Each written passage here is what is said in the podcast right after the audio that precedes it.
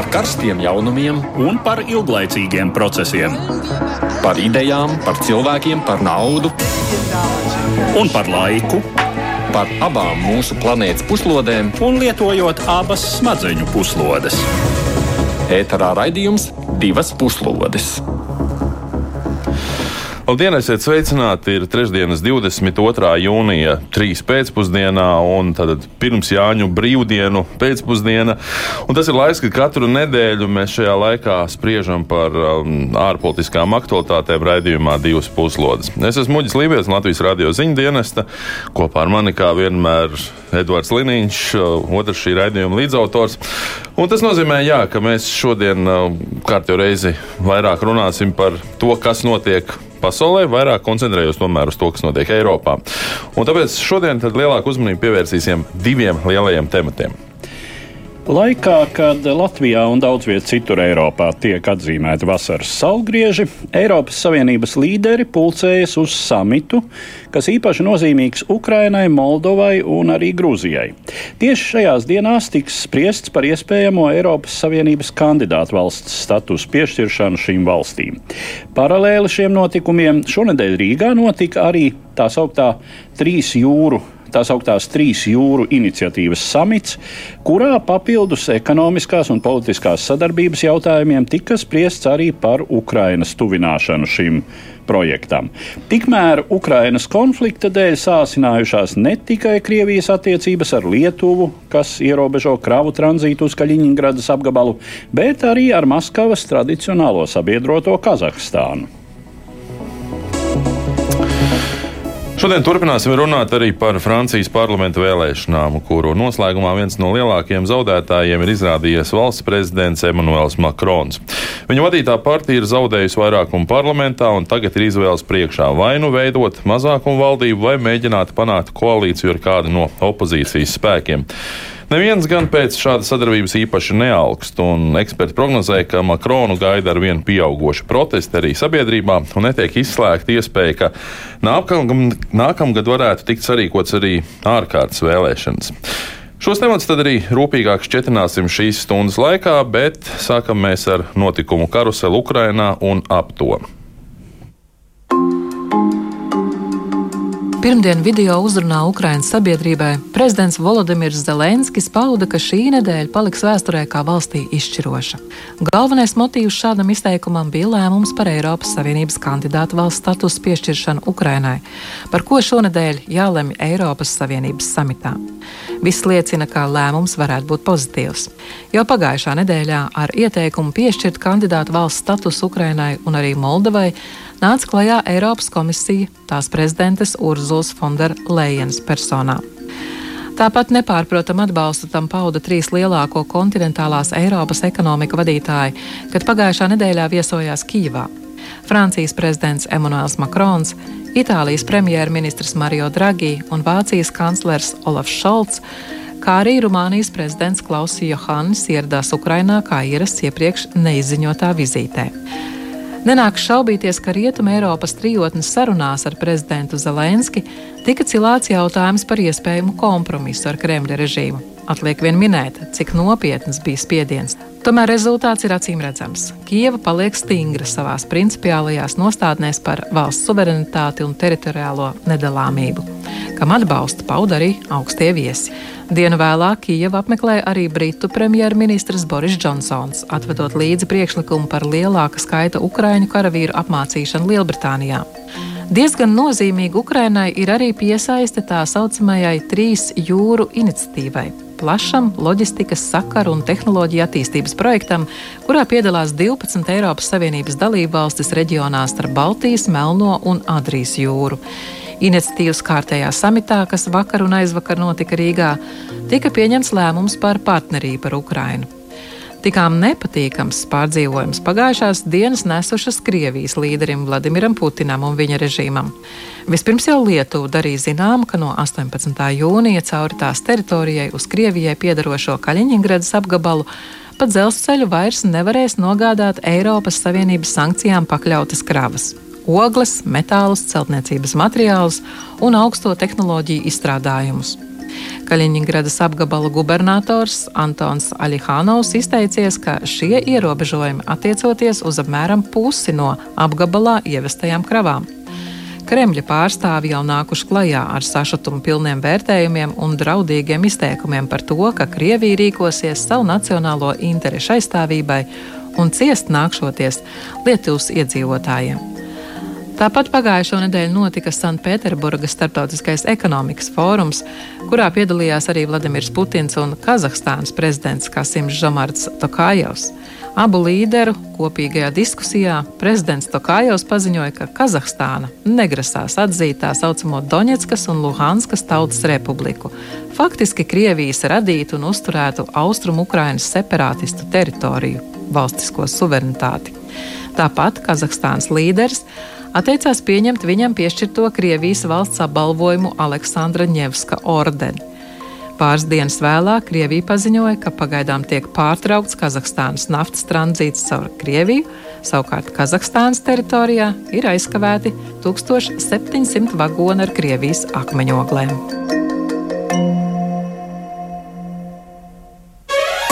Divas puslodes! Un šajā brīdī man īpaši jāsāk sevi kontrolēt, jo, lai nepārteiktos, jo, jo, jo jā, gribētos teikt, ka turpina skanēt raidījums diplomātiskās pusdienas, bet patiesībā divas puslodes tomēr. Speciāli izlaidums. Jā, speciāli izlaidums. Um, šodien pie mums studijā kā eksperts viesojas um, mūsu kopējā raidījuma kolēģis Kārlis Bukovskis no Latvijas ārpolitikas institūta Rīgas Stradiņa universitātes. Sveicināts! Sveiks. Un, Sveiks. Jā, šī ir izšķiroša nedēļa Ukrainai, nu vismaz ģeopolitiski. Tā mm, daudzkārt šonadēļ tika apgalvots. Tas pats tiek apgalvots arī par militāriem jautājumiem tieši Ukrainā, bet nu, mēs šodien parunāsim par tādiem plašākiem. Gan procesiem, gan reģionālā, gan Eiropas, gan varbūt arī pasaules uh, kontekstā. Un, uh, sākt es noteikti gribu ar to, kas ir gaidāms šajās dienās, un jau ir daļēji aizsācies, proti, par kandidātu valstu statusa mm, iespējamo piešķiršanu Ukrainai un Moldovai, un ne tomēr arī Gruzijai. Um, nu, šīs sadalījums varbūt. Kā Kārla Tauprāt liekas, kas tad ir tie oficiāli iemesli, kāpēc divi jā, viens nē, un kas ir tas zemūdens akmens? Nē, nu, tur iemesls te jau ne tikai runa par šīm konkrētajām trijām valstīm. Nu, viņas ir no, ciešo un padziļināto sadarbības līgumu ar Eiropas Savienību. Visas trīs jau bijušas noslēguši iepriekš. Nu, kā tā teikt, tie galvenie veiksmi, veiksmes stāsti, kas no austrumu partnerības visa projekta, no procesa, no šīm sešām valstīm bija iznākuši. Bet tādā pašā laikā nu, mēs šobrīd redzam, ka, ka Gruzija pašu iekšē, iekšē nedaudz politiskās, politiskās nesaskaņas, ka daļa, daļa grib iet vienā virzienā daļa, daļa politiķu ir, ir uzmanīgāk, piesardzīgāk citā virzienā. Tas pats, kas ir jautājums arī attiecībā uz uh, ko darīt, ko darīt ar šiem diviem šķeltnieciskajiem reģioniem, vai, vai kādu efektu var atstāt šādi paziņojumi. Uh, un beigu beigās jau atkal tas, uh, tas stāsts ir lielā mērā par to, ka, nu, ja pat lēmums tiek pieņemts par kandidātu valstu piešķirš, status piešķiršanu, tas nenozīmē automātiski dalību Eiropas Savienībā. Arī par sarunu sākšanu tas, tas nenozīmē pat sarunu sākšanu, un tas nenozīmē, ka sarunas noritēs veiksmīgi, un tas nenozīmē, ka sarunas beigsies rītā. Un, uh, respektīvi, tā doma ir, ka, ka tas, šis process visticamākais, tāpat kā arī ļoti daudzās citās, piemēram, tās pašas Rietumu Balkānu valsts, kas ir galvenie protestētāji pret šo, te, kāpēc pēkšņi ir nu, citām valstīm ir uh, citādāka pieeja no Eiropas Savienības puses, un viņu, viņu iebildumi principā var, uh, ir, ir, ir, ir, ir tie, kas, uh, kas arī ir jāsadzird. Nu, mēs tā, tā vienkārši nevar pārulēt pāri un aizmirst. Un viņas daudzas ir desmitiem gadu jau atradušās uh, kandidātu valsts uh, statusā. Un, un, un, Līdz Balkāniem mēs vēl nonāksim. Labi, dosimies tālāk uz dienvidiem. Es uh, jau pieminēju to, ka nu, arī pašā Grūzijā notiek šī te, nu, daļējā šķelšanās. Man šodien pirms raidījuma domāju par tādu lietu, nu, tādu sajūtu, ka Eiropai patīk Zelenskis, Eiropai patīk Maija Sandu. Eiropai savulaik patika Sākašvilī, Sākašvilī tagad iesēdināja. Tagad Eiropai nepatīk Gruzijas vadība. Cik tur ir šis ne, nu, personiskiem aspektam kaut kādam, nu, tiešām tam pro-eiropeiskajai kustībai, cik tam ir liela nozīme, jūsuprāt? Nu, es nezinu, vai mēs to vispār varam dēvēt par personisku? Manuprāt, emocionālā Jo Grūzijas ļoti. prezidenta ļoti pro-eiropeiska. Prezidenta, kurai ir salīdzinoši neliela vara šai valstī. eh, Sākašvili arī bija prezidents. Manuprāt, eh, tolaik bija cits eh, varas modelis, eh, kad Sākašvili bija pie varas. Bet eh, runa ir arī par to, ka Sākašvili tiešām ļoti konsekventi virzīja eh, Grūziju rietumu virzienā. Un ne tikai deklaratīvi, ne tikai kaut kādas idejas platformas līmenī, bet mēs eh, visi atceramies, ka Sākašvilī laikā nu, Grūzija ir viena no tām valstīm, kur korupcija eh, nu, nav. eh, Nav kaut kas rudimentārs nekad bijis, kur eh, nu, mēs atceramies pat padomju laikā, teiksim, ko nozīmēja korporatīvi, kā mēs šodien teiktu, arī pat klanu eh, ģimeniski sakari tā laika aizkaukāza republikās, un Grūzija šajā ziņā bija īpaši. eh, Vien, viens no īpašiem piemēriem. Mm, Attiecīgi ar to tikt galā uh, un vispār uzsākt cīņu pret to. Tur vajadzēja lielu, lielu politisko gribu, lielu politisko apņemšanos. Sākašvilī nenoliedzami tāda bija, un arī acīm redzot, bija uh, pareizās metodes, jo diezgan daudz kas tika panākts. Uh, Tas, ko mm, dzird stāstām, ja, ka nu, teiksim, kaut vai kaut kāda piecīšu ņemšana uh, uz, uh, no, Uz no ceļa, jā. policijas puses uh, kļuva krietni mazāk izplatīta. Un tā tālāk. Uh, Un, uh, manuprāt, te tomēr iezīmējas tas, ka gan Ukraina ir šai ziņā gājusi uz priekšu par spīti visām grūtībām, par spīti visiem uh, pēdējo astoņu gadu pārbaudījumiem. Arī Moldova, no acīm redzot, drīzāk ir vērtējums, ka ir uz pareizā ceļa. uh, Kur arī ir milzīgas problēmas šai ziņā. Politiskās varas un ekonomisko grupējumu saaugšana. Un Maija Sandu ir šai ziņā, nu, teiksim, solis uz priekšu pareizā virzienā. Uh, Grūzija ir tomēr drīzāk gājusi atpakaļ. Ja mēs eh, runājam par eh, šīm reformām, nu, arī kā tu kārtais, tas neko nenozīmē, ka tūlītās kaut kas ļoti mainīsies, bet eh, tam reformu procesam ir jāsākās. Protams, uzmanības centrā mums ir Ukraina, kura pašlaik ir karā. Un tas, nu, nu, ir jautājums, cik ir vispār iespējams šādā laikā, kad, nu, atvainojiet, piedodiet savu valstiskumu nosargāšanu, ir primārais jautājums, vēl domāt par reformām, kas reformas vienmēr nu, nozīmē smagas pārmaiņas, nērtības ā, cilvēkiem ā, un iespējams arī nu, neapmierinātību sabiedrībā kaut kādam politiskam spēkam, kas mēģina to visu virzīt uz priekšu. Nu, protams, šajā gadījumā primāri, primāri ir valsts uh, stabilitāte un valsts atjaunošana. Un tas, kas ir, nu, ko mēs nedrīkstam aizmirst, pat ja karš beigtos šodien un dod Dievs, lai viņš arī šodien beidzās, bet, nu, racionāli skatoties, protams, diemžēl tas tā neizskatās, ka notiksies tuvākos mēnešus. Pat. Un uh, tāpēc rezultātā Tanī brīdī valstī primāri būs jautājums par viņas atjaunošanu. Dalība Eiropas Savienībā, visi tie 35 sadaļas, kas ir attiecās uz uh, tirgu, uz uh, politisko institūciju funkcionēšanu, uz muitas funkcionēšanu, uz daudzām, daudzām, daudzām lietām, kas ir, kas ir uh, šis katalogs, ka kā tā likumdošana ir jāsakārto. Nu, tas ir gadu, gad, gadiem ilgs process. Nu, arī Latvijas gadījumā tas prasīja faktiski 9 gadu, un tad vēl atsevišķi bija 35, 35 sadaļās, vēl bija, vai 35 jautājumos, vēl bija papildus vēl 7 gadu pārējais posms, ieskatot mūsu uh, zemes jautājumu. Un tāpēc te ir, te ir, te ir jautājums par to, ka nu, te, ir, te ir politiskā sistēma, kurai ir jābūt stabilai. Un te ir jautājums par to, uh, kāda ir šī ekonomiskā struktūra, kā viņi, kā viņi darbojas, likumdošana, nodokļu iekasēšana un viss pārējais. Un te ir stāsts par to, ka nu, kura, kura vai visa valsts, kura, kura daļa no valsts, kāda vispār būs Ukrainas politiskā nākotne. Jo te ir jautājums, kas notiekās miera, miera, miera situācija, nav kara apstākļi. Kara apstākļos, lūk, jums Zelenskis ir. Tanī brīdī, kad būs jau pavīdēs miera apstākļi, jūs redzēsiet, cik daudz Ukrainā sāks nākt ārā politiķi. Un atkal būs jautājums, no kurienes, kā atbalstīt, kāpēc, kur viņi parādās. Un te būs tas lielais izaicinājums. Kā to demokrātiju tajā brīdī nosargāt? Kā šajā brīdī tikt cauri, kā saglabāt šo uzbūvi, kas ir, kas ir vajadzīga, lai to atbilstu Eiropas Savienības prasībām. Un šīs ir prasības, jo šī ir absolūta asimetriskā integrācija. Tas, ka valstīm, lai pievienotos Eiropas Savienībai, ir jāizpilda kritēriji. Nu, tas ir tas, ko arī teica, ka nekādas atlaides jums nebūs, pat ja jūs dabūjat šo kandidātu valsts. Nu, protams, un tas ir šī gadījumā šis kandidātu valsts status piešķiršana ir politiskā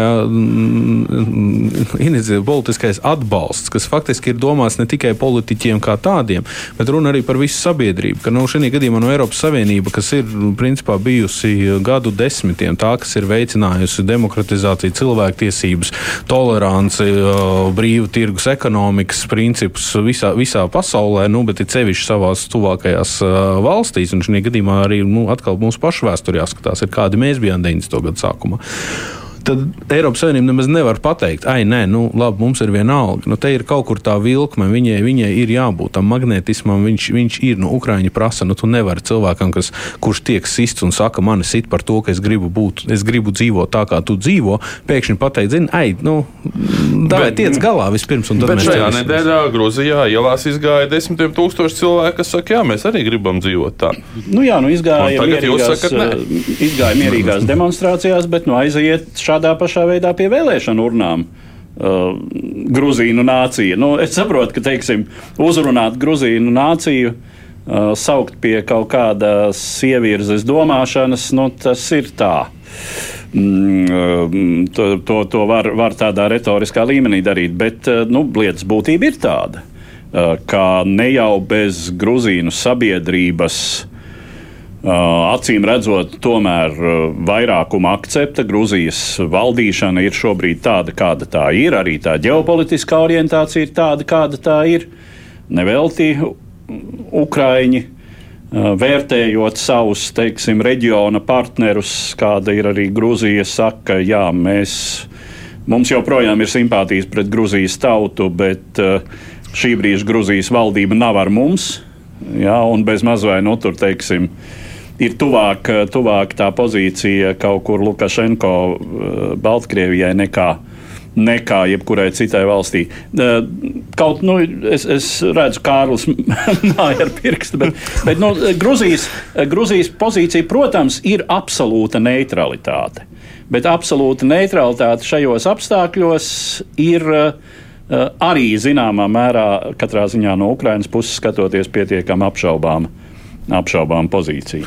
Ne, ne, es, es, es absolūti tas, ko Edvards saka, ir, ir, ir es, es piekrītu. Tam, nu, te, te ir izaicinājumi, bet tas, tas, tas lielākais un grūtākais mirklis, acīm redzot, šīm te, uh, sabiedrībām. Un, kad es saku šīm sabiedrībām, es domāju arī mūsu pašus, kā savu laiku 90. gadu postpadomu sabiedrību, ir tikt pāri tam tai, tai vilkmei, kas ir tā oligarhiskā vilkme.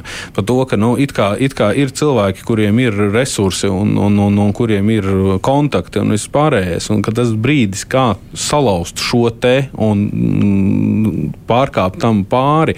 Tā ka sabiedrības līmenī, ne tikai sabiedrības, tā jautājums ir arī par viņiem pašiem. Cik ļoti viņi faktiski pretojas tā saucamie veto spēlētāji, mēs tā ļoti akadēmiski izsakamies, tā saucamie veto spēlētāji, kas šajā gadījumā liek šķēršļus procesu virzībai tikai tāpēc, ka viņiem viņi personīgi, vai viņu biznesam, vai viņu radiniekiem ir absolūti neizdevīgi. Kaut kāda atklātība, transparents, kas tiek prasīta likumdošanā, nodokļu politikā, nodokļu nomaksās un tā tālāk.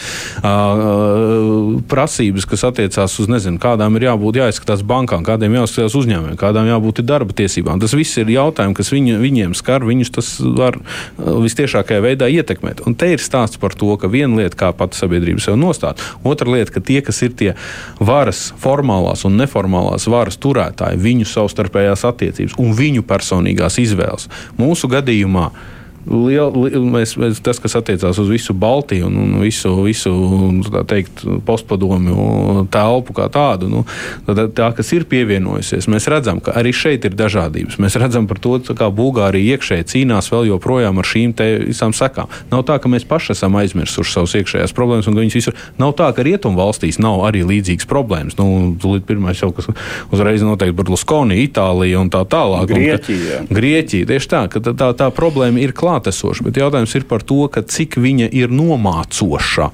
Un tas ir tas centrālais, kas attiecās uz Grūziju, kas attiecās uz Moldovu, kas attiecās arī uz Ukrajinu. Jā, piebilstot, piebilstot par Moldovu, eh, kur šajās dienās iziet ielās savukārt demonstrācijas ar prasību eh, novākt pro-amerikānisko, imperialistisko valdību. Nu, pamatā tie ir krievalodīgie Moldovas iedzīvotāji Un tur ir droši vien arī dzen, Maskavas garā roka klātesoša, bet ir pietiekams savukārt sabiedrības segments, kuriem nevajag nekādu eiro integrāciju, kuri grib kaut ko pavisam citu. Moldovas gadījumā gan man vakar sanāca tieši saruna ar, ar rumāņu kolēģi Rīgā. Bija. Un tieši uh, prasīja par to Moldovas situāciju. Un te ir tas interesantais knifs, ka daļa Moldo, Moldovāņu vai Moldovas iedzīvotāji, viņi jau sen ir labi integrēti Eiropas Savienībā. Vai nu viņiem ir dubultā pilsonība, vai Jā, viņi Rumāņa. arī regulāri šo darbu, darbu veids. Līdz ar to viņi, viņiem pat līdz galam, es tā prasīju, nu, kur, kur, kur ir tā problēma. Un tad no, no, no, no Rumāņu pozīcijas raugoties, bija tā, ka nu, mums, viņi, viņi paši līdz galam to nemaz nevēlas, tāpēc ka viņiem ir ērti tajā situācijā, kurā viņi ir. Kad, respektīvi, viņi ir jau pamanījušies atrast veidu, kā var dzīvot šajās divās pasaulēs. Būtībā tā ir, atgādināsim, tā ir viena tauta, pilnīgi noteikti, Rumāņi un Moldāvi, nu katrā ziņā valodiski. Tas ir viens etnos. Uh, bet nu, tās ir divas nācijas vēsturiski. Savulaik, kā viens no piemēriem tika minēta arī Latvijas nepilsoņi, kuriem uh, ceļošanas izda, iespējas pa Eiropu un uz Krievijas pusi bija izdevīgākas nekā Latvijas pilsoņi. Uh, es tieši, uh, man, man radās jautājums, jo iepriekš pieminētās uh, gan Balkānu valstis, gan arī nu, Turcija šeit ne, nesiesim klāt kā Eiropas Savienības kandidātu valstī. Uh, viņas jau ir nu, kaut kādu laiku kandidātu valsts statusā. Šis sarunu process arī notiek visai smagnēji. Uh, tagad uh, divas, potenciāli trīs uh, jaunas. Pirmais jautājums. Vai ir iespējams, ka nu, Moldova, Ukraina iet dažādu ātrumu ceļus, vai tiek uztvertas kā viena, tāpat kā Baltijas valsts, un būsim reāli tik uzskatīts kā vien, viens veselums. Un tad otrs jautājums ir, kā tad šo jauno valstu parādīšanās pie apvāršņa var veicināt vai kavēt Balkānu reģionu integrācijā? Uh, nē, es pavisam īsi. Šāds scenārijs ir absolūti uh, acīm redzams, un, un, un, un viņš ir visnotaļ iespējams. Jo atkal, nu, atgriežoties pie tā, ko es teicu, Ukraina pēc šī kara vai šī kara rezultātā, vai šī jau 8, 9 gadus ilgušā kara rezultātā, faktiski ir, ir, ir, ir, ir daļa no tās teritorijas, industriālās kapacitātes, tirzniecības kapacitātes un tā tālāk ir, ir, ir izpostīta. Un tāpēc rezultātā viņa faktiski atrodas sarežģītākā pat struktūrālā situācijā nekā varbūt tās Moldova. Bet kāpēc es gribēju pirms, pirms Edvards turpinās, ir par to, ka nu, arī Baltijas valsts neaizmirsīsim, ka šis bēdīgi slavenais 98. gada lēmums par to, ka nu, sadalīt, sadalīt šīs 12 kandidātu valsts, kas mēs tajā brīdī bijām divos, divos uh, posmos, un tad attiecīgi divos blokos. Igaunija, Igaunija iet pa priekšu, un tad attiecīgi Lietuva, Latvija it kā būtu bišķi vēlāk pievienotos. Īstais iemesls jau kā pēc tam ir, ir, ir pētīts un kā ir intervēta lēmumu pieņēmēji. Rezultāts jau gan, ka, ka rietumiem faktiski bija bail no Krievijas, ka Igaunija ar, ar šo sa, Baltijas valstu sadalīšanu nebija tā, ka Igaunija bija tik ļoti priekšā. Un, ja mēs labi atceramies, tad īsi pirms pievienošanās mēs īstenībā bijām aizslēguši vairāk nodaļas nekā, nekā Igauni bija aizslēguši. Un mēs bijām labākā situācijā. Bet tas stāsts bija par to, ka tas bija Igaunija, tāpēc tās Baltijas valsts tika sadalīts, ka Igaunija, lai redzētu to testa režīmā, kā rēģēs Krievija uz šo te. Un, ja Krievija arī šo nereaģēja, tāpēc arī vienā brīdī tika atmests arī nos, tas, tas, tas, tas dalījums un saprata, ka nu, tas, tas var sākt parādīt absolūti nevajadzīgas šķeltniecības kandidātu valstu starpā, absolūti nevajadzīga konkurence kandidātu valstu starpā, ir sevišķi nu, trīs Baltijas valstu, un tāpēc, tāpēc tas tika atmests. Bet tāpēc atkal pati Eiropas Savienība ir daudz ātruma Eiropa, un kandidātu valstis un tās, kas kandidē, arī ir absolūti dažādos, dažādos ātrumos, katra, kas, kas, kas, kas mēģina pievienoties un cik viņas ir kapacitatīvas pievienoties pievienoties. Jā, un lielā mērā turpinot to, ko Kārlis saka, nu, eh, atkal mēs nonākam pie tā, kāds būs, kāda būs kara gaita un kāda būs kara rezultāti. Arī laika nozīmē. Un, Uh, nu, uh, nākas domāt, ka šī kara rezultātā visdrīzāk kaut kas notiks ar tā saucamo Piedņestru, jo iedomāties, ka tā tur turpinās pastāvēt šis anklaus. Nu, teiksim, Bet īstenībā nevienam jau nav iespēja kaut ko ietekmēt. Tur. Uh, nu, nu, ne tur, Moldovas pusē ir iespēja ietekmēt, no nu, Krievijas pusē ja īsti ar vairs stāv. Krievijas pusē, ja ciniski, nu, ciniski tā. skatoties, piedod, ka es pārstāvu, tā ciniski skatoties, es domāju, ka Moldova, Moldova varētu karot par Piedņestru vai mēģināt atņemt Piedņestru vai pievienot sev tikai tādā gadījumā, ja Krievijas federācija kļūs tik vāja un tik brūkoša, ka šāda iespēja parādīsies. Pie šī brīža tas tā nav vēl noticis, un tāpēc vēl nav, bet jeb, es teiktu, ka jebkura, jebkāda Ukrainas, jebkas, ko mēs varam saukt par Ukrainas uzvaru karā pret Krieviju, eh, izlems to Piedņestras likteni ar diezgan lielu iespējamību. Nu, tad um, domāt, ka Moldova starp Eiropas Savienībā esošo Rumāniju un uh, Ukrainu uh, kas tā vai citādi, protams, virzīsies Eiropas Savienības virzienā, nu, ka, viņi, ka, ka, tā, ka Moldova varētu palikt kaut kur iepakaļ, nu, droši vien, ka nē. Nākošais, mēs tu jau par nākotni un likteņiem runājam. Es gribētu uzdot tādu jautājumu un paspriest par to, kāds tad liktenis gaida austrumu partnerības programmu. Jo ir tāda maza nianse. Nu, kā, jau ilgu laiku šis projekts daži uzskata, ka viņš ir beidzis pastāvēt jau pirms kāda laika. Citi, Kārlis Maigls, citi, citi uzskata, ka tas tāds pusdzīvs tāds mironis, kas velkās uz, uz pusotras kājas apmēram. Ar klašķirās pirmais no otrā šajā gadījumā. Un, bet tomēr šī programma pastāvēja, bet tagad, ja kāda no valstīm dabū kandidātu valsts statusu, tas nozīmē, ka šī programma teorētiski beidz pastāvēt, jo neparedz uh, dalību ar kandidātu valsts statusu šādā programmā. Atbalsta mehānismi jāpārskata. Tas viss ir. Nu, Protams, tas ir, tas ir šie, te, šie, te, šie te pirms pievienošanās, vai pirms dalības, vai pirms kandidēšanas magnetiskie mehānismi atkal, jo nu, atkal, mūsu gadījumā arī viņi absolūti pastāvēja. Arī, arī Somijas, Zviedrijas gadījumā viņi pastāvēja tikai viņi saucās Eiropas ekonomiskā zona. Tur bija šī tā, tā integrācija jau bija bijusi gadu desmitiem ilgi. Un mūsu gadījumā arī šis atbalsts uh, ir, ir, ir, ir bijis, un tieši tas pats attiecās uz austrumu partnerību. Nu, tāpēc, kāpēc par to jau ir tas mūsu, mūsu tā saruna jau ir mēnešiem, gadiem sena par to, ka nu, nu, Baltkrievija ir aizgājusi pilnīgi citu ceļu. Nu, man, man tiešām ir ļoti žēl to teikt katru reizi, bet nu, nu, es, es, es neredzu, kā Baltkrievija šobrīd var uzskatīt līdz galam par suverēnu valsti. Nu, viņi principā Krievijas karaspēka klātbūtne, valsts vadītājs, kurš absolūti ir atkarīgs viņa atrašanās vietā, ir atkarīga tikai un vienīgi no Kremļa. Un lēmumi, kas tiek pieņemti, nu, kas, kas, kas, kur tur tā neatkarība vispār var izpausties. Bet Eiropas Savienība taču ļoti grib palīdzēt Baltkrievijas tautai, Baltkrievijas demokrātiskajai Baltkrievijas tautai tautai un uh, Baltkrievijas demokrātiskajiem spēkiem. Absolūti piekrītu. Un atkal tas ir tas pats stāsts. Nu, ko tam mums teikt? Nē, ziniet, visi, kas jūs gribat dzīvot demokrātē, ej, nu, gan jau ieviesiet kaut kā paši pa sevi to visu. Nu, tā arī nē, nu, tu tomēr sniedz to roku, tu sniedz to atbalstu, vismaz morālu atbalstu tiem, kas, tiem, kas vēlās būt ar tevi draugi.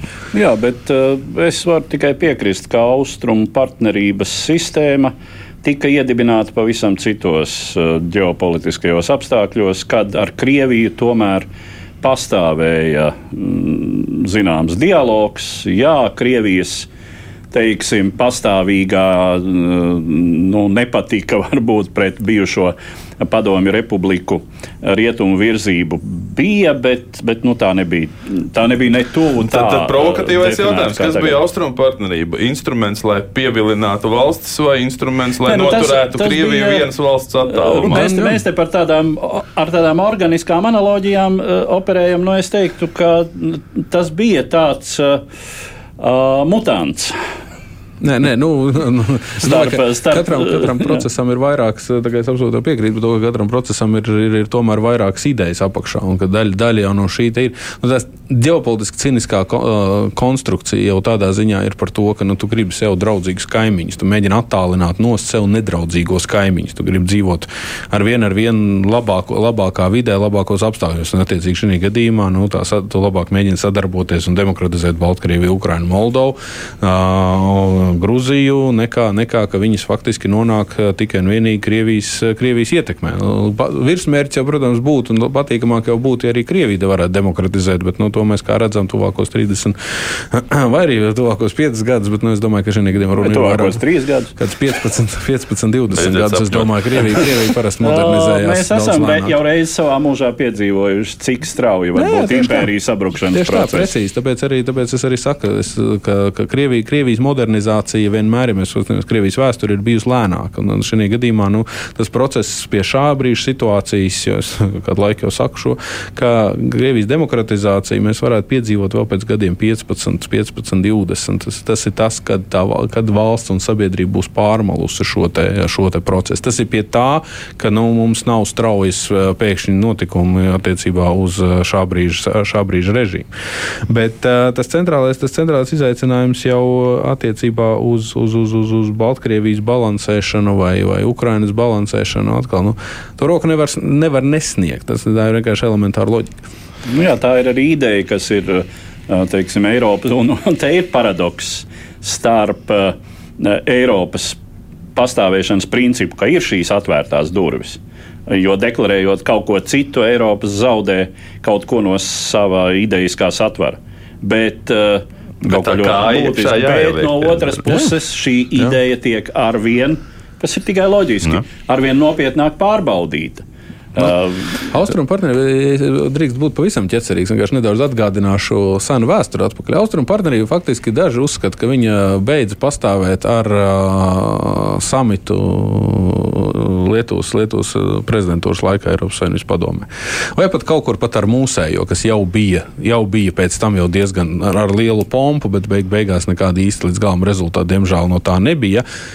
Bet tam visam sekoja Krīma, tam mm -hmm. sakoja kara, kara sākums Ukrajinā. Tā kā nu, te ir, te ir stāsts par to, ka tajā brīdī jau skaidri un gaiši sāka parādīties šīs te tendences, kur iet Armēnija, Azerbaidžāna, kur iet Baltkrievija, kur iet pārējās trīs valsts. Tāpēc arī tas. Jo mēs jau varbūt teiksim... tas, tas Krimas, Krimas situācija arī veicināja to, ka šis te, uh, sadalījums uzreiz kļūst skaidrāks un ka, ka, ka, ka lielā mērā arī šie noslēgtie sadarbības līgumi, padziļinātās sadarbības līgumi bija faktiski arī turpinājums. Es, tas, es domāju, mēs druskuļi pārslēgsimies tālāk par, par šo te. Nu, teiksim, tā pozīcijas nodalīšanu. Mēs pirms tam runājām, ka Grūzija varbūt ir bijusi diezgan uh, neitrāla, neatbalstot nevienu ne otru pusi. Pagājušā nedēļā Sanktpēterburgas ekonomikas formā Kazahstāna diezgan nodemonstrēja, nevarēja saprast ne tā muskuļus, ne tā savu politisko mugurkaulu vai, vai vienkārši saskaņota darbība. Austrumniecisku izpratni par to, par lietu kārtību. Eh, kas notiek? Jā, nu. Kā mēs varam raksturot to, kas notika šajā samitā, ko pateica Kazahstānas prezidents? Vai tas ir, nu, teiksim tā, neatcerējās, kā brālīgā lielā valsts nāca glābt viņu no, valsts, no nemieriem. Nu, es domāju, ka vai, tieši to atcerējās. Vai tieši pretēji parādīja, ka tomēr nu, nav tā valsts tāda, uz ar kuru varēs spēlēties. Uh, nu, es domāju, ka tur tas uh, ir. Edvards, tu sāki jau. Nu, jā, es, es domāju, ka tieši to atcerējās. Arī iekšpolitiski Tokajevam ir jānodemonstrē joprojām mugurkauls. Jo tas, kas notika ar šo, um, man mūždien izkrīt nosaukums no prāta, nu, šī uh, militārā savienība, um, Krievija plus. Uh, jā.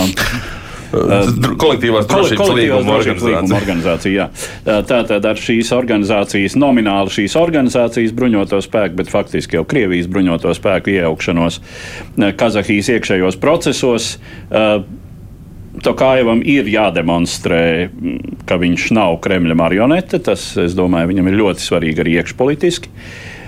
Un Kazahijai tas ir, Kazahstānai tas ir ļoti svarīgi. Nu, bet uh, ģeopolitiski, protams, ka tas ir pirmkārt uh, Krievijas uh, nožēlojamo tomēr pret, pret sagaidīto uh, militāro, um, militārās darbības rezultāti Ukrainā. Um, nožēlojami un uh, neaizmirsīsim, ka saka, tāds ģeopolitisks vakums īsti ir, ir drīzāk teorētiska parādība. Un es domāju, ka Kazahstāna visa šī procesa rezultātā arvien vairāk um, nonāk Ķīnas un, es domāju, arī uh, Turcijas uh, ietekmes zonā. Cik nozīmīgs ir energofaktors un Eiropas faktors šajā situācijā? No nu, Eiropa gan, es domāju, no Kazahstānas ir tālu pašreiz. Mm, meklējot Eiropai jaunas, jaunus energoresursu piegādes avotus, kāpēc ne Kazahstāna?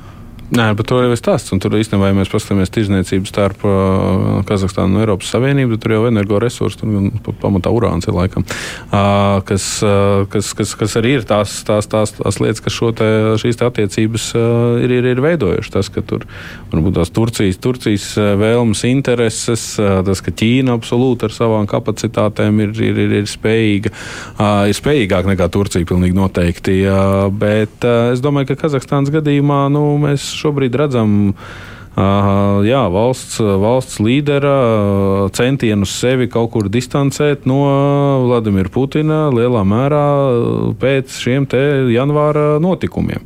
Un lielā mērā arī pateikt par to, ka nu, mēs šo politiku nevaram atbalstīt, jo nu, arī skaidri un gaiši novada līnija, ka nu, mēs, mēs nepiekritīsim šim, ka šādiem pārdalījumiem un dalījumiem, un ka mēs, mēs neuzskatām, ka šādas te, situācijas, situācijas ir pieļaujamas. Nu, tāpēc kaut kur jau prasītos arī, kad kā, šādas līdzīgas izteikumus arī gribētos dzirdēt arī no Baltkrievijas prezidenta puses, bet nu, viņš acīm redzot neuzskata šo par vajadzīgu. Mēs pat daudz dažreiz sapņojam. Es domāju, ka Baltkrievijas prezidentam gan ar tām iespējām ir kā ir. Nu, precīzi, par to arī stāsts. Ne, nevelti, nevelti šobrīd Ukraiņi ļoti uzmanīgi skatās, kā virzās mobilizācijas process Baltkrievijas bruņotajos spēkos un kāpēc tas tiek veikts. Bet kas ir ļoti interesanti. Baltkrievijas eh, mobil, eh, mobilizācija, bet arī pašā laikā iedomājieties eh, situāciju. Nu, kāpēc līdz šim Baltkrievija nav iesaistījusies? Ir vairāk, protams, no iemeslu, bet viens no tiem ir tas, ka Krievijas prezidents nevar atļauties faktiski pazaudēt savu seju pilnībā un prasīt mazajai Baltkrievijai palīdzību viņas spēcoperācijas veikšanā. Teritoriju izmantot ir viens, bet prasīt tā, ka mums nepietiek karaspēka, tāpēc mums vajag. Tas, tas uz principā parādīja to, ka nu, viņš netiek galā vairs ar ne, situāciju. Ne, nu, nu, teiksim, ar tādām tādām vēsturiskām analoģijām spēlējoties, Lukašenko ir perfekts. Uh, uh Putina Musolīni, uh, kurš rada viņam drīzāk vairāk problēmu nekā, nekā nu, ir izmantojams dažos gadījumos, bet tas var dot smagu rikošetu. Nu, kas būs Baltkrievijas abesīni tādā gadījumā? Ja mēs vēsturiskās analoģijas skatāmies. Es gribētu vēl noslēdzot šo te par ap riņķī Ukrainai tēmu un Eiropas tēmu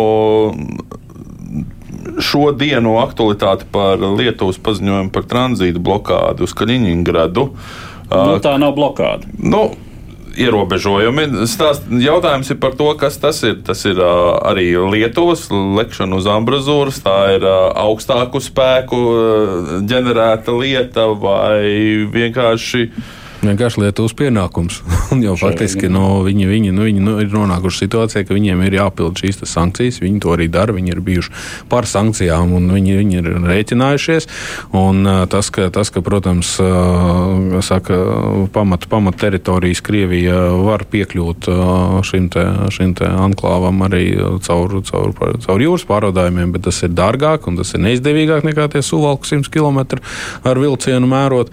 Un tāpēc nu, te ir ir, te, protams, ka tā reakcija, reakcija ir paliela. Nu, mēs jau redzam to, ka atkal jau, un ar vien vairāk mēs redzēsim to, ka šīs sankcijas atstāja atstā iespaidu arī uz Krievijas ekonomiku, uz Krievijas budžetu, uz Krievijas iespējām. Nu, nekur ziņas parādās, ka jau pāris projektiem ir jāatsakās, bet nu, tas acīm redzot uz, uz augustu, uz septembri tiek, tiek gaidīts, ka nu, tās, tās visu, visu rietumu kompāniju faktiski aiziešana no Krievijas tirgus, nu, vai vismaz to nozīmīgāko aiziešanu no Krievijas tirgus, būs tas lielākais trieciens un, un bezdarba līmeņi un, un apkuras sezona pašiem un tā tālāk. Tas, kas, kas, kas, kas var izraisīt šīs nestabilitāti un destabilizāciju daudz redzamāk Krievijā. Tas būs, bet, nu, zinot, zinot šo režīmu, man, man, man bail, ka tas, un kā parasti šādi režīmi rīkojās, visticamākais, ka tas novedīs pie tā, ka režīms kļūs nežēlīgāks pats pret saviem iedzīvotājiem, represīvāks. Labi, liksim tagad punktu Ukrainai un par, par ap apkārtumu karuselim, kā mēs viņu nosaucām. Tad, Noteikti turpmākajās dienās arī sekosim, kā attīstās notikumi Briselē, bet tagad no Ukrainas pievērsīsimies Francijai, par kuras vēlēšanām sākām runāt arī jau pagājušajā nedēļā. Svētdien notikušo Francijas Nacionālās asamblejas vēlēšanu otrā kārta nesa sarūktinošs jaunumus prezidentam Emanuēlam Makronam un viņa vadītai centriskajai partijai uz priekšu republika. Lai arī pēc vēlēšanām frakcija kopā, kuras kodols ir valdošā partija, joprojām ir lielākā, tā ir zaudējusi gandrīz trešdaļu vietu un līdzinējo parlamentāro vairākumu. Tā nu Makrons, kurš pirms pāris mēnešiem kļuva par pirmo Francijas prezidentu 20 gados, kurš ticis pārvēlēts uz otro termiņu, tagad ir pirmais prezidents 30 gados, kura partijai nav vairākuma parlamentā. Tomēr viņam diezgan noteikti nedraud vairāku kādreizējo Piektās republikas prezidentu liktenis vadīt valsti ar politiski pretējas ievirzes valdību, jo pārējās jaunā parlamenta frakcijas ir tik politiski pretšķirīgas, ka koalīcija izveidošana to starpā ir praktiski neiedomājama. Tādējādi Makronam ir divi rīcības varianti - vienoties par koalīciju ar kādu no līdzinējās opozīcijas spēkiem vai sastādīt mazākuma valdību, kurai nāktos vienoties ar opozīciju nozīmīgāko lēmumu pieņemšanai. Visnotaļ pieņemams koalīcijas partneris būtu labēja centriskā republikāņu partija, kam ar prezidenta partiju ir tuvas politiskās platformas. Pirmdien republikāņu līderis Kristiāns Žakobs gan paziņoja, ka viņa partija palikšot opozīcijā. Taču pēc sarunām Elizejas pilī no republikāņu aprindām pienākuši signāli, ka partijas lietas pieņemt koalīcijas piedāvājumu. Tāpat uz sarunām Makrons aicinājis arī franču sociālistu līderi Olivier Foru un komunistu līderi Fabienu Rusēlu. Abi piedar pie kreiso partiju bloka, kas iegūs otro lielāko mandātu skaitu parlamentā. Bet kas zīmīgi uz sarunām nav aicināts kreisā bloka lielākā spēka, kreisi populistiskās partijas nelokāmā Francija līderis Žans Liks Melanšons. Pavisam malā no valdības veidošanas procesa paliek lielākais šo vēlēšanu ieguvējs - labē radikālā Nacionālā apvienība. Marinas Lepēnas partija, kurai līdz šim parlamentā bija vien astoņas vietas, šo skaitu tagad palielinājusi vairāk nekā desmitkārt, līdz ar to iegūstot gluži citas iespējas ietekmēt politiskos procesus. Tagad labējiem radikāļiem ir tiesības rosināt neusticības balsojumus valdībai un likuma projektu izvērtēšanu konstitucionālajās tiesās. Viņa pārstāvi var nonākt parlamenta komisiju vadībā un, protams, daudz biežāk uzstāties arī debatēs divas puslodes.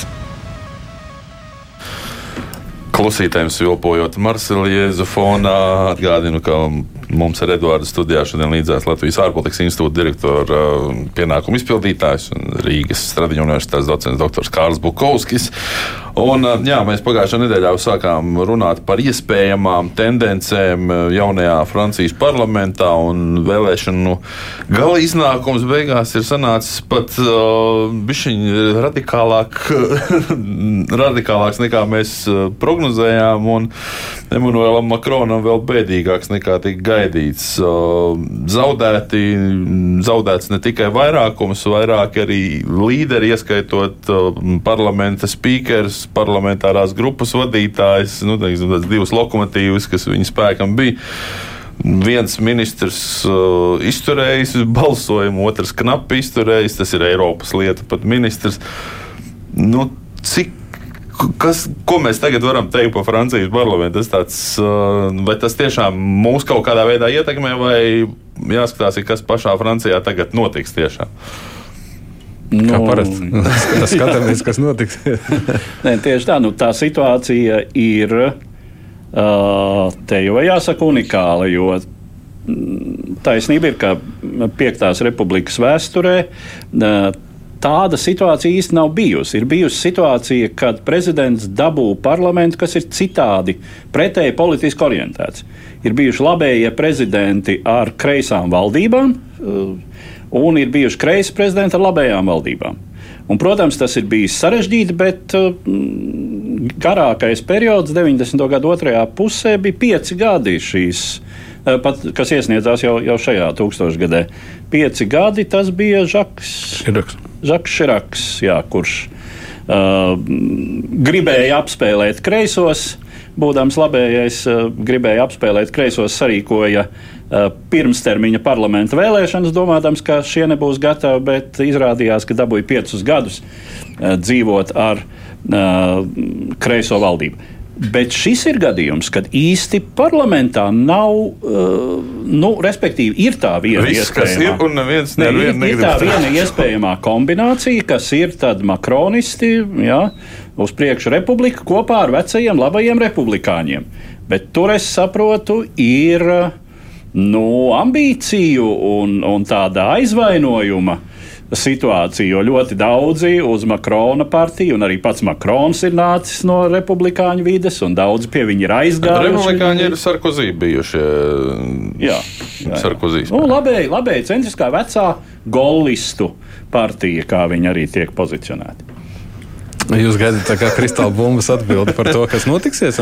Ļoti paprovocējuši uz abas priekšu. Ārkārtas, vēlē, ārkārtas vēlēšanas nav izslēgtas. Nē, ar, par ārkārtas vēlēšanām runā, ka tas varētu būt uh, tuvākā gada variants, jo viņš nedrīkst ātrāk kā 12 mēnešus pēc uh, vēlēšanām izsludināt ārkārtas vēlēšanas. Un tad es la- lasīju politiko, ka viens no labākajiem iespējamiem risinājumiem Makronam būtu strauja ekonomiskās situācijas pasliktināšanās valstī, un tad uz šī krīzes situācijas viļņa viņš varētu sludināt jaunas vēlēšanas. Nu, pie šīm naftas cenām un uh, briestošajām, briestošajām uh, uh, ekonomiskās, pat arī recesija, nu, te ir runa par recesiju tikai tāpēc, ka vienā brīdī elementāri cenas, cenas nevar celties mūžīgi. Nu, viņas var celt, bet vienā brīdī cilvēki vienkārši pārstāja pirkt produktus. Tad viņi pārstāja pirkt produktus, mazāk ražo, atlaiž cilvēks un tā tālāk. Tāpēc tā inflācija ir, ir, ir ma mazā, mazā limitētā apmērā ap 2% gadā. Tas ir, tas ir skaitās absolūti normāli. Tā ir dabiska, dabiska augšana. Bet tajā brīdī, kad viņi tā kā nu, vienā otrā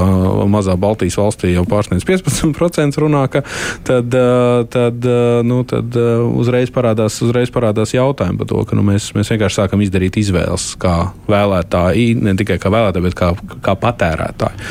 Rezultātā, ja šī gadījumā Makronam izdotos šo te kapitalizēt, nu, tad tas arī varbūt tas viņam arī būtu tāds ot, otrs mēģinājums dabūt sev atkārtot. Bet, man liekas, vai tieši nesanāk pretējais efekts. uh, Viņš varētu mēģināt kapitalizēt to, bet noteikti būs lielākā daļa vēlētāju. Nu, kā tu taču esi pie varas, tu taču esi atbildīgs par to, ka ir šī krīze. Tas man, man liekas, ja viņš izsludinātu šādas ārkārtas vēlēšanas, tad, nu, tad par šādu partiju uz priekšu Franciju mēs varam aizmirst. Nu, bet, kā bija Obama un republikāņi, un kā bija, kā bija, kā bija Trumps un demokrāti, nu, tur, tur tas stāsts ir, vai, vai, vai šobrīd arī Baidens un, un, un republikāņi nu, nav tur īstenībā. Um, tā situācija ir tāda, ka nu, tu viens otru vaino. Nu, tā, tā tas arī notiekās. Viens otru vaino. Tikai atšķirībā no Amerikas, kur ir divas partijas dominējošās, nu, Francijā tas, tas, tas klāsts ir daudz lielāks. Un tad tikai var rādīt ar pirkstu uz, uz, uz ko vien patrāpās un uz ko vien sagribās tajā nedēļā. Nu jā, nu Francijā droši vien mums ir jārunā arī par tradicionālās politiskās sistēmas eh, eroziju. Um, jo nu, agrāk jau arī Francijā bija tradicionāli nu, labējais un kreisais flanks, mm. kur labējā bija šie republikāņu golisti uh, un tādu. Uh, Nu, un tāda Nacionālā apvienība, kas toreiz saucās Nacionālā fronte, pavisam radikāli un margināli. Nu, vēl viens šo vēlēšanu rezultāts, ka labējie vairs nav īsti uzskatām par margināļiem. No 89 Jā, vietas. jā, nu, tas, ir, tas ir viens arī. ā, Bija aspekts. astoņas salīdzinājumā. Bet, um, Nu, Makronam jau nebūs citas izējas, kā, ja uh, republikāņi nepiekritīs koalīcijai, kā mocīties, acīm redzot, ar mazākumu valdību. Uh, nu, un tad šobrīd es domāju, tas ir tas, kāpēc viņš arī aicina sociālistus, kāpēc viņš aicina komunistus uz sarunām, uh, lai saprastu, nu, kādas būs iespējas, teiksim, konkrētos uh, punktos vienoties par to vai citu attiecīgu likumdošanas risinājumu. Nu, kā zināms, ar tie, tie, ar kuriem viņš loģiski nerunā, tad tie ir reputa, labē, galēji labēji nacionālisti un, protams, arī ar Melanšonu, kas ir varbūt pat ne tik daudz radikāli kreis, cik populistiski, nu, teiksim, odios. Es jau pagājušā reizē uzdevu šo jautājumu, un es domāju, ka arī nu, mums, gatavojoties šī gada vēlēšanām, tas jautājums ir aktuāls. Viens ir. Uh, Cik liela loma tomēr ir uh, vēlēšana procesā līderim? Uh, Šīs vēlēšanās uh, partijas līderis izvēlēja, faktiski, izvēlējās faktiski nepiedalīties kampaņā. Viņš izvēlējās paiet malā, veltot savu uzmanību ārpolitikai. Tad ir jautājums šādā krīzes situācijā, kad. Uh, kad uh, ekonomiskie jautājumi kļūst ar vien aktuālāki. Uh, cik svarīgi ir uh, līderu aktīva iesaistīšanās iekšpolitikā, un, un, un vai ir iespējams vienlaicīgi būt labam iekšpolitiski un ārpolitiski? Um, runa par Franciju vai par mūsu situāciju? Gan, gan.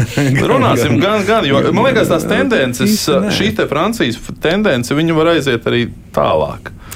Nu, man, redz, man liekas, ka eh, te, te, te ir kaut kur varbūt tās arī nedaudz tas stāsts par to, ka nu, tomēr, tomēr Francijas demokrātijas vēsture un demokrātijas pieredze un tā, tā mentalitāte vai demokrātiskā kultūra ir tomēr nedaudz atšķirīga no mums. Es ne, te, nav uh, jautājums labāk, sliktāk, vienkārši viņi ir atšķirīgi. Tā arī ir.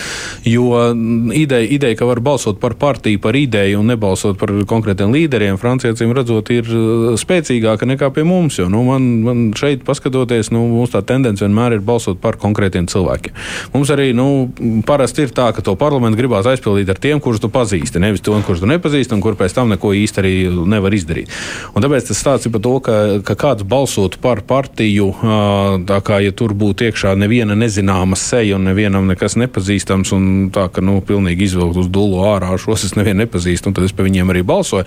Nu, man tā grūti iedomāties. Atsevišķi cilvēki tā varētu darīt, bet tas noteikti Latvijas, Latvijas gadījumā nebūtu masveidīgi. Tur vienmēr būs tie līderi.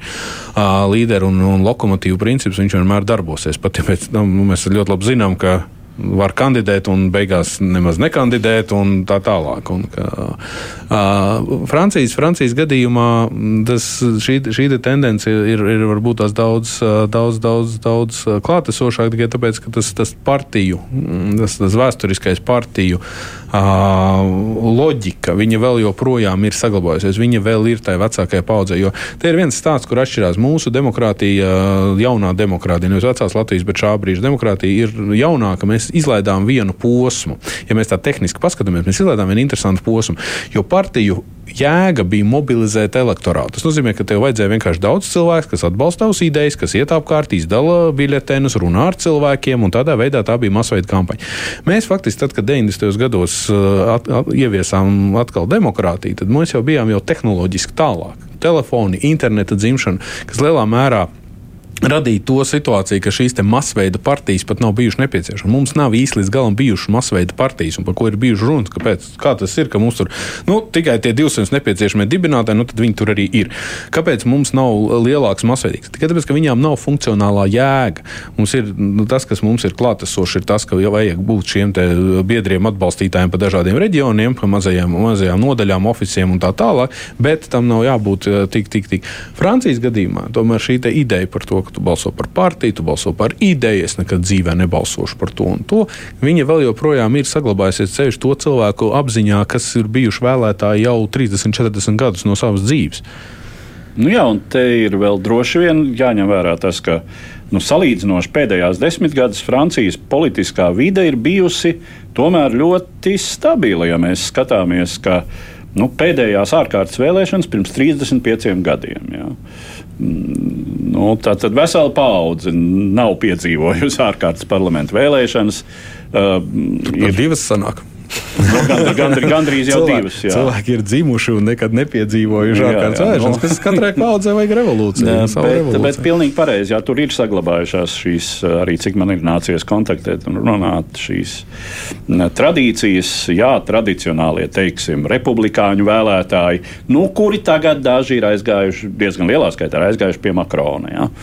Bet, nu, arī joprojām un tas otrādi, ir centrs. Un otrādi, nu, saka, pie viņa ir aizgājuši arī ka... daudz no sociālistiem. Nu, nu, teiksim, viņš ir uztaisījis tādu jaunu platformu. Uh, nu, tas ir tāds zināms eksperiments. Un tas, ko tā, faktiski jau Makrons to zināmā mērā to putru arī pats ir ievārījis. Nu, saka, ja lielās valsts var atļauties eksperimentēt šādos pārmaiņu laikos, mēs arī varam sākt Nē, nu, tā, tā tendence kopēt to, kas notiek citur, tas jau ir klātesoši. Nu, mēs esam redzējuši, kā trumpismi dažādās vietās, ieskaitot arī pie mums, ir, ir, ir, ir bijuši klātesoši. Šajā brīdī man ir jāliek punkts šīs dienas diskusijām, un atgādināšu, ka studijā klātbūtne visu šo stundu bija Latvijas ārpolitikas institūta direktora pienākumu izpildītājs un arī Stradiņa universitātes docents dr. Kārls Bukovskis. Protams, arī Edvards Liniņš, otrs šī raidījuma veidotājs, uh, studijā šorīt, šorīt. Šoreiz biju arī Suģis Lībijams no Latvijas radio ziņu dienesta, mūsu producente Evi Junām, un paldies, ka klausījāties klausījāties, un lai visiem arī priecīga līgošana un jautra jāņošana. Jo tagad jau laikam, ka kuru nedrīkstēja izmantot, līgot, līgot nesot labi, ja esot jājāņo, jo tas līgo esot uzspiests, ieviests mākslīgi. Tāpēc nu, mums tad, ir. Jebkurā gadījumā visu ar mēru. Ar mēru un ar atbildību. Paldies visiem un sadzirdamies jau pēc kāda laika. Divas puslodes!